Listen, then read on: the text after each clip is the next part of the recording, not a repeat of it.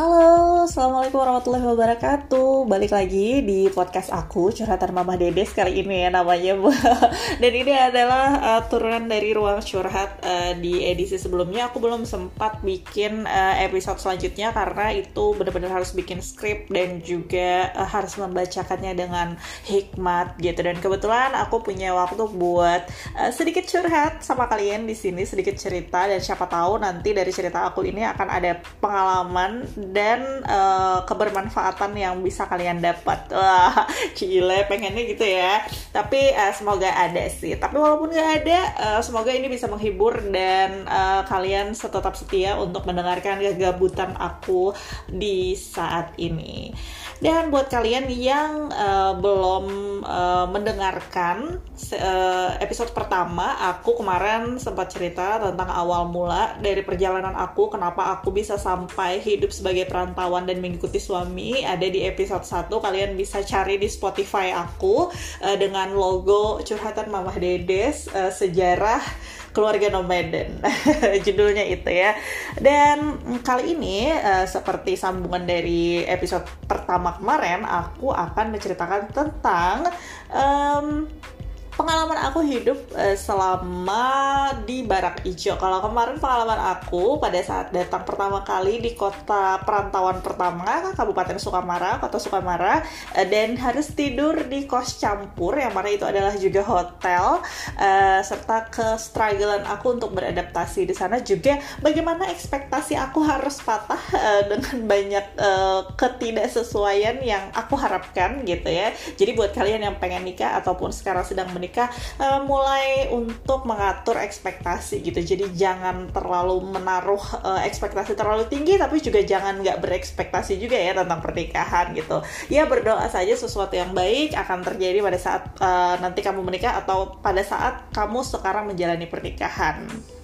Nah, lagi-lagi karena uh, cerita aku kali ini atau curhatan Mamah Dedes kali ini, um, aku nggak pakai skrip, jadi mungkin alur ceritanya akan sedikit random mungkin, uh, dan juga aku akan banyak terbata-bata karena mikir sambil nginget juga gitu. Jadi aku kali ini benar-benar akan pure cerita ke kalian uh, sambil mengingat aja gitu kayak ngobrol karena biasanya aku curhat uh, atau posting curhatan Mamah Dedes ini berupa tulisan di story Instagram at Desi Faurina ataupun uh, di feed Instagramnya kali ini aku mencoba untuk cerita aja sambil ngobrol gitu sambil mengisi waktu aku uh, di tengah kehektikan sebagai seorang ibu dari dua anak yang uh, bisa dibilang bertugas sebagai uh, ojek online-nya antar jemput anak sekolah ya dan juga bertugas sebagai koki di rumah gitu. Oke deh, langsung aja kita akan melanjutkan cerita dari sejarah keluarga Nomaden kemarin. Nah, kemarin kan aku juga sempat cerita, bukan kemarin sih ya, ya kapan pun kalian mendengarkan gitu. Maksudnya di episode sebelumnya aku uh, menceritakan tentang bagaimana akhirnya aku pindah dari sebuah uh, kos campur di Hotel Arin di kota Sukamara ini, aku pindah ke sebuah barakan uh, yang bernama atau yang disebut akhirnya uh, aku dan teman-teman di sana menyebutnya dengan Barak Ijo. Uh, itu ada di daerah uh, kalau sekarang uh, bertepat di hmm, ya pokoknya kita nggak usah sebutin lah ya. Mungkin nanti orang-orang yang uh, dari Sukamara ataupun area terdekat nanti akan mencari tahu gitu. Karena akan ada sedikit aibnya juga di dalam sana tapi uh, semoga tetap bisa um, menjaga ketidak tersinggungan orang-orang yang mendengarkan ya. Nah um, langsung aja nih aku bakal cerita dan berbagi tentang pengalaman aku uh, dari bagaimana aku um, berkenalan dan beradaptasi dengan dengan orang-orang yang ada di sana. Sebelumnya aku juga akan menerangkan tentang kondisi dari bangunan uh, si barak ijo ini gitu di barak ijo ini seperti yang kalian uh, dengar ya namanya aja barak gitu. Jadi uh, rumah uh, memang bangunannya dari beton gitu dari sem dari semen gitu ya. Um, dan rumahnya dempet gitu. Dan banyak banget dannya uh, di barak ijo ini ada dua kamar. Untuk satu ruangannya itu ada dua kamar tidur dan juga satu kamar mandi. Ada dapur juga dan juga ada jemuran uh, tempat jemuran di luar gitu ya di belakang. Uh, dan tidak beratap gitu. Nah di sana itu uh, aku uh, di awal-awal aku tinggal itu berkenalan dengan beberapa keluarga baru gitu ya.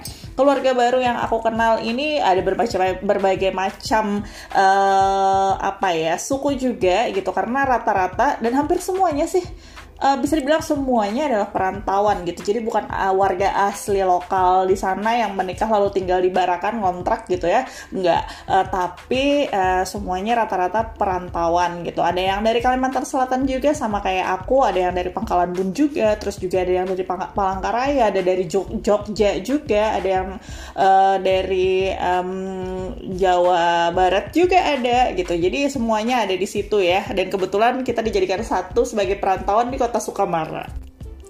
Seperti biasa yang namanya perantauan itu kan ya apalagi kita anak baru nih ya, baru pindah, tetangga yang baru pindah itu akan selalu menjadi pusat perhatian dan pastinya akan disamperin atau kita yang nyamperin uh, tetangga kita buat kenalan. Secara kan bersosialisasi itu penting ya karena keluarga terdekat kita uh, itu adalah tetangga kita. Apalagi kalau kita di perantauan. Jadi karena kita nggak punya keluarga jadi harus baik lah ya sama tetangga gitu. Nah, ini pelajaran banget buat kalian yang menikah apalagi buat buat kalian yang selfish buat kalian yang uh, suka menyendiri gitu. Nggak ada salahnya kok buat kenalan uh, sama tetangga gitu sesekali ngobrol nggak harus ngerumpi dan duduk bareng di teras juga gitu. Yang penting uh, tetangga tahu kalian hidup di areal itu gitu. Jadi jangan sombong-sombong amat ya guys. Apalagi kalau kalian perantauan Nah, um, pada saat kenalan gitu ya, uh, ini ya seperti biasa ya. Kalau biasanya kita kenalan dengan orang baru itu kan sopan gitu, terus uh, sembari uh, berkenalan itu kita uh, kayak apa ya, mau um, bisa dibilang uh, menjaga tata krama ya sopan tadi ya gitu, sambil membaca karakter si orang baru ini gitu. Begitu juga yang aku lakukan kepada uh, calon teman-teman dan tetangga aku yang baru ini gitu. Sebagai pendatang kan aku uh, kayak um, apa ya permisi-permisi gitu, salam kenal gitu gitu. Um, dan lucunya di sini adalah aku ketemu kan kebetulan tetangga aku ada yang orang Kalimantan Selatan juga dan takjubnya aku dengar satu orang ini gitu. Mungkin kalau teman-teman barak hijau dengar dan beliau dengar nih kayaknya bakal tersenyum-senyum atau semoga tidak tersinggung ya kakak.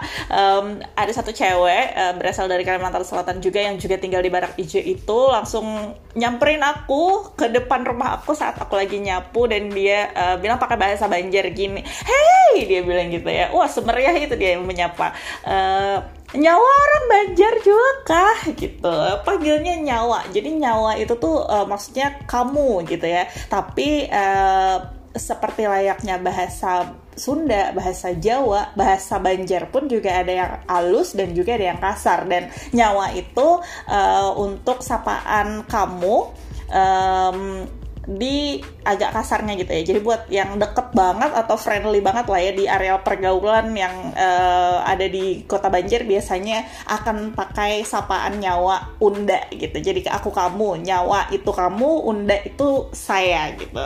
Oke, semoga paham ya dan aku yang tidak kenal sama sekali sama tetangga itu rada shock dari kejauhan seseorang menyapa dengan hei nyawa orang Banjar kah dia bilang gitu kan dan aku langsung Oke, okay, um, mungkin karena memang terbiasa dengan bahasa itu, um, bisa juga dia uh, terlalu senang karena merasa punya tetangga sesuku gitu ya.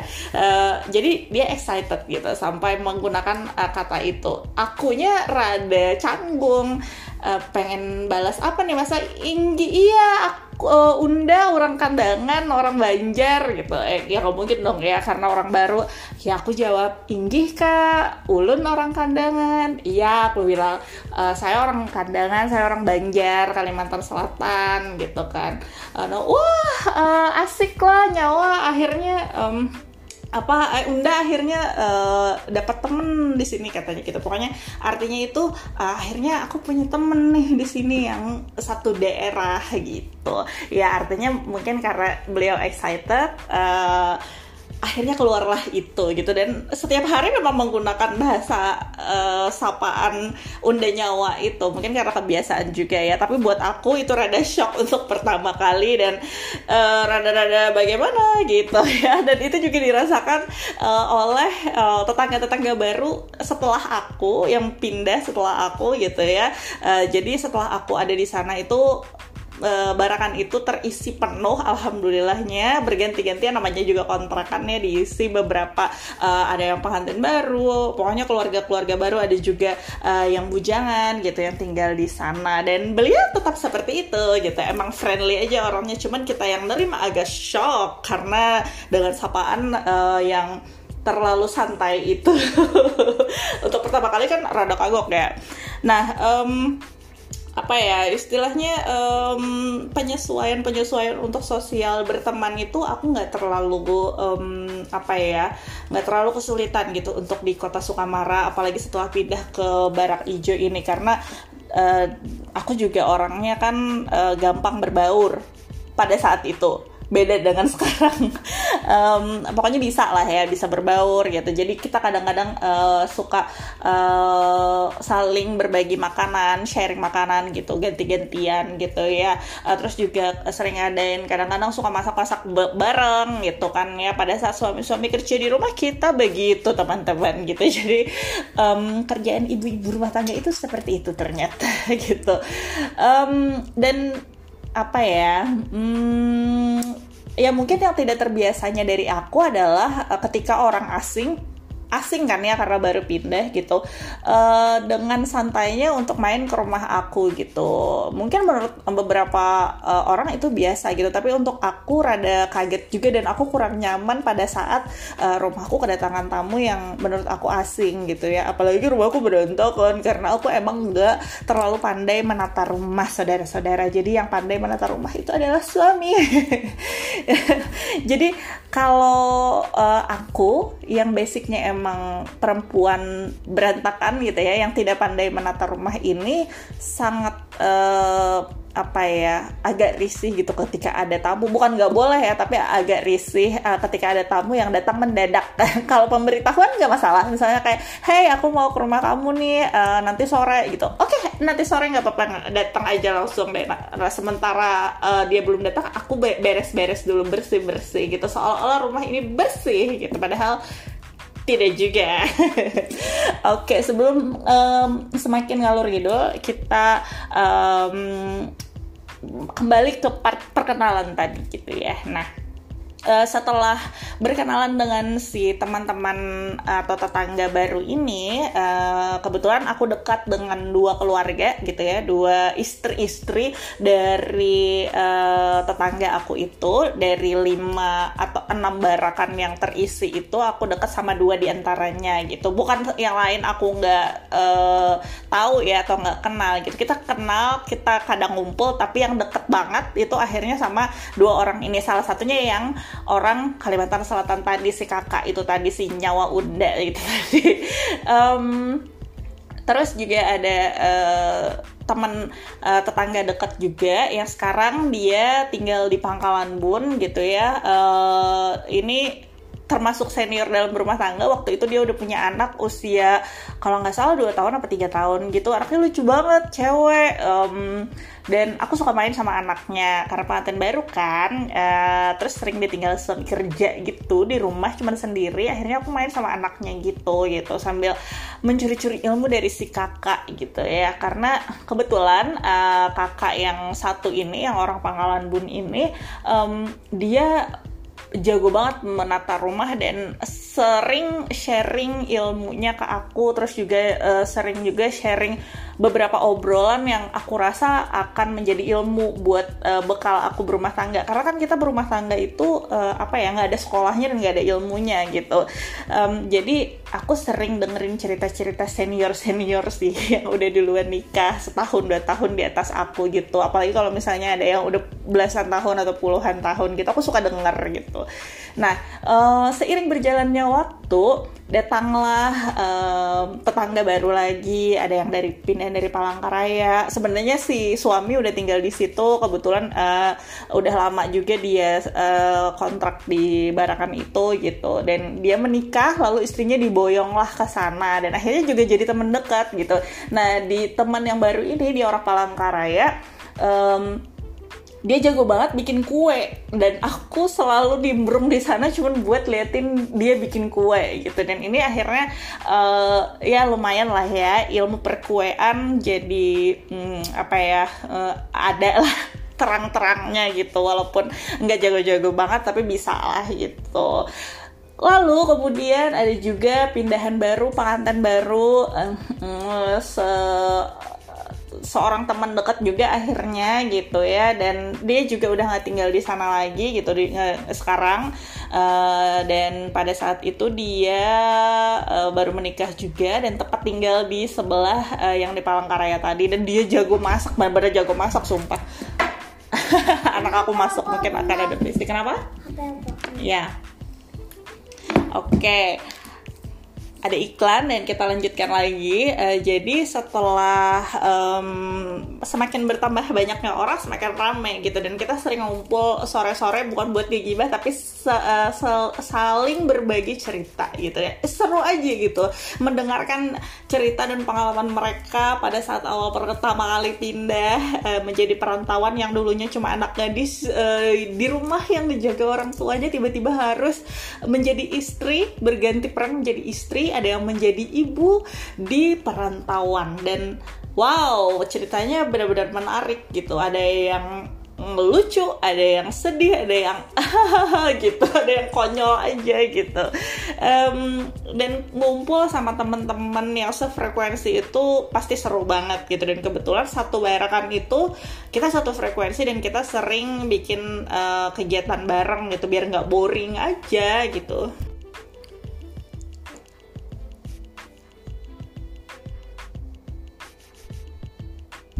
Semakin lama semakin banyak uh, dihuni uh, oleh para keluarga baru Barakan Ijo ini gitu dan akhirnya si Barakan Ijo penuh gitu. Nah kejadian-kejadian konyol mulai terjadi ternyata ketika para pengantin-pengantin baru atau keluarga-keluarga muda ini dikumpulkan dalam satu koloni dalam satu perkumpulan yang bernama Barakan ini gitu karena kita tetangga deket banget kan. Ketika suami-suaminya kebetulan ya pada saat itu dinas luar kota secara serempak dan bersamaan. Nggak semua sih ya ada yang uh, mungkin lembur di kantor gitu. Dan suatu hari um, mati lampu terjadi mati lampu uh, tapi ini ini sih uh, apa namanya uh, suamiku ada kebetulan di rumah. Terus juga uh, suaminya yang si um, pokoknya ada lah ya beberapa suami juga tapi mayoritas pada saat itu uh, bapak-bapaknya atau suami-suaminya di luar kota. Dan pada suatu malam terjadilah mati lampu.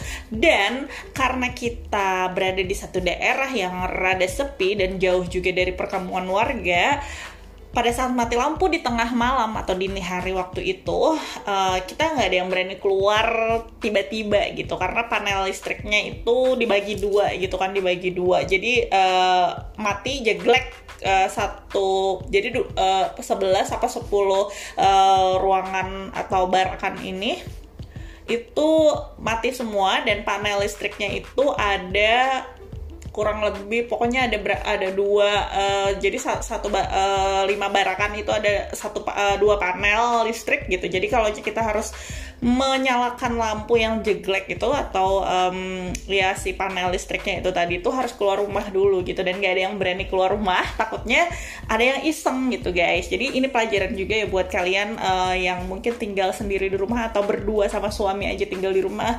Pesan dari mama aku sih ya yang worry-nya berlebihan. Nggak berlebihan juga sih tapi ada bagusnya buat hati-hati. Pada saat mati lampu di tengah malam malam pokoknya atau dini hari nggak usah untuk uh, berani-berani keluar rumah nyalain uh, panel listrik kalau itu ada di luar rumah ya gitu. Uh, ya udah diemin aja gitu sampai pagi. Tapi karena masih ada si bapak-bapak ini um, mereka memberanikan diri untuk saling kontak. Mereka kontak-kontaknya lewat uh, BBM gitu. Jadi uh, misalnya kayak uh, suami aku ngechat uh, tetangga sebelah gitu bang uh, mati lampu nih. Iya tahu mati lampu ya emang mati lampu gitu kan. Uh, gimana nih gitu ya udah kita keluar bareng. Oke okay, keluar bareng uh, dalam uh, apa istilahnya nanti aku kasih aba-aba aku keluar kamu keluar ya gitu. Jadi uh, kita ada grup gitu. Jadi di grup itu kita uh, catatan buat janjian keluar dan pada saat keluar ternyata nggak ada apa-apa guys gitu. Nggak ada apa-apa.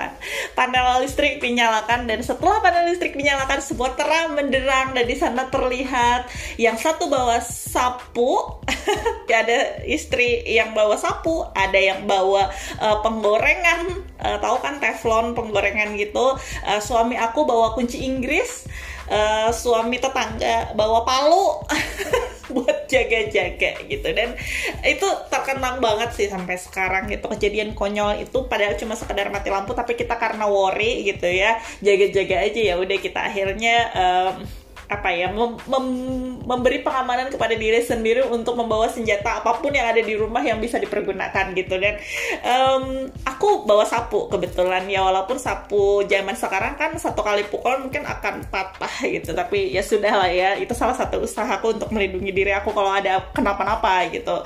Um, dan ya itu sih keseruannya pada saat ngumpul bareng di barak ijo. Um, kita juga uh, punya uh, pengalaman saling uh, melindungi selain saling melindungi satu sama lain itu kita juga uh, saling apa ya istilahnya uh, saling gibah juga. Namanya tetangga ya. Namanya tetangga sih ya kita kadang juga bergibah say. Jadi kita bukan uh, manusia yang suci di, uh, apalagi aku ya aku akui kadang-kadang uh, kita suka sebel sama tetangga yang satu kita cerita gitu. Apalagi ada satu tetangga sebutlah dia mawar gitu. Jadi si mawar ini sering datang ke rumah dan ngetok-ngetok pintu tetangga tetangga tetangga gitu. Nggak nggak setiap hari tapi ada di satu momen gitu yang entah dia ngetok pintu buat bilang uh, atau minta atau minjem bahasanya dia sih minjem uh, boleh minjem telur nggak dua biji gitu. Nanti aku ganti gitu. Kadang-kadang kan kita nggak tega ya. Nah dan aku punya kebiasaan belanja itu per dua minggu dulu per minggu, per dua minggu atau per bulan gitu. Jadi ada yang aku beli selama satu bulan aku stok, ada yang aku stok selama satu minggu kayak sayur dan sebagainya gitu. Dan kebetulan aku uh, alhamdulillahnya jarang banget uh, sampai kehabisan. Dan pun kehabisan aku nggak bakal teriak sama tetangga gitu. dan uh, si tetangga ini si mawar ini sering banget gitu. Uh, lumayan sering walaupun nggak tiap hari gitu. Nanti kalau nggak aku kita giliran gitu uh, yang di sebelah aku nanti uh, ada serai nggak? Aku pinjam serai dong sebatang nanti aku ganti gitu. Dan uh, dia juga sering banget titip-titip uh, beli-beli gitu. Ya kayak anak kos lah ya jadinya jatuhnya. Pada saat dia melihat ada temen atau tetangga yang uh, mau pergi ke pasar atau ke mana terus dia teriak e, kamu mau ke pasar ya? Aku boleh titip nggak? Gitu beras gitu. Beras? Apa nggak titip apa? Gitu. Kadang-kadang itu tuh suka nyebelin buat uh, kita yang uh, apa ya dititipin atau dimintain tolong gitu Nah, itu tadi kejadian-kejadian yang uh, lumayan membekas buat aku. Bukan berarti memojokkan uh, si kakak Mawar ini ya, tapi um, buat aku itu kenangan yang seru aja gitu buat uh, diceritakan kembali dan diingat-ingat selalu gitu. Karena itu adalah salah satu semangat aku buat bisa menghadapi hari-hari esok aja lah. Karena dari setiap kenangan itu aku jadi banyak belajar gitu. Oh, dari uh, kejadian si kakak Mawar itu misalnya aku jadi paham paham bahwa uh, ternyata dia bukan bermaksud untuk nyusahin kok gitu. Karena itu memang udah pilihan terakhirnya dia aja gitu ya untuk meminta tolong gitu kepada kita yang mungkin bisa bantu dia dan hanya hanya kita yang dia punya gitu. Jadi um, barakan kita itu posisinya lumayan uh, ya lumayan jauh lah ya dari pasar dan nggak ada kendaraan lain gitu. Uh, di rumahnya aksesnya satu-satunya cuman uh, buat memenuhi kebutuhan itu adalah uh, pilihannya adalah nunggu suami atau nunggu uh, bule sayur gitu yang datang buat uh, jualan di situ gitu.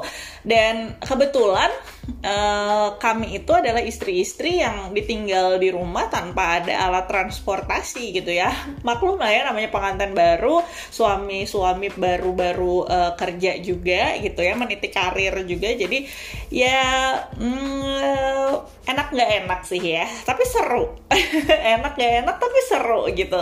Serunya kalau menurut aku ketika mengingat pengalaman aku hidup di sana bersama mereka tetangga-tetangga aku yang keren banget itu uh, selalu jadi penyemangat buat aku gitu. Karena mereka luar biasa um, memberikan dampak bahagia dalam kisah hidup aku gitu. Aduh jadi baper deh kalau inget mereka.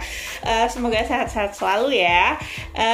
Dan um, sekarang udah 25 menit nih. Uh, tadinya nggak mau panjang-panjang gitu.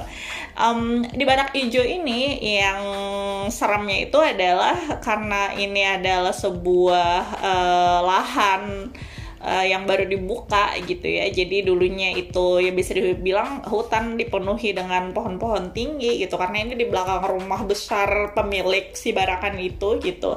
Uh, jadi yang namanya uh, bekas lahan uh, itu pasti akan banyak binatang-binatang melata gitu.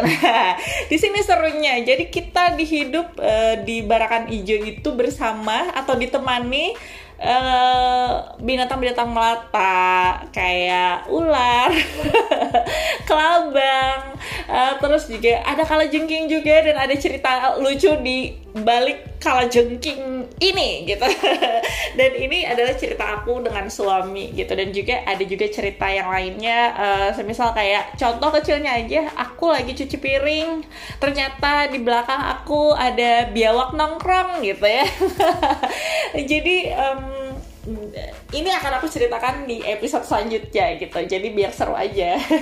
Um, aku senang menceritakan ini. Ada ataupun uh, suka ataupun tidak suka uh, bagi yang mendengarkannya. Tapi ini um, menu, men, menceritakan kembali hal-hal yang pernah aku alami apalagi versi bahagianya itu.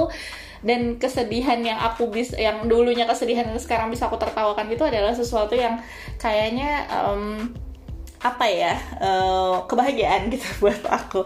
Tidak mentertawakan uh, orang lain sih ya mentertawakan aku aja gitu. Kok kok bisa ya aku dulu mikirnya dia begini dia begitu. Kok bisa ya aku dulu um, bersikap begini atau begitu gitu. Jadi kadang-kadang menceritakan sesuatu yang sudah lama terjadi atau tragedi yang sudah terjadi itu untuk ditertawakan kembali itu kayaknya oke okay kok gitu sesekali. Dan terima kasih banyak buat kalian yang udah dengerin. Jangan lupa buat kalian yang belum denger uh, episode pertamanya kalian kudu banget wajib eh, uh, dengerin episode pertama karena per uh, episode atau uh, season um, dari curhatan Mama Dedis ini akan bersambung gitu. Terima kasih banyak buat kalian yang sudi dengerin aku uh, menggabut di sini ya, bercerita, bercurhat ria dan semoga um, apa ya menghibur dan semoga uh, ada yang bisa diambil dari cerita aku yang terdengar basa-basi ini.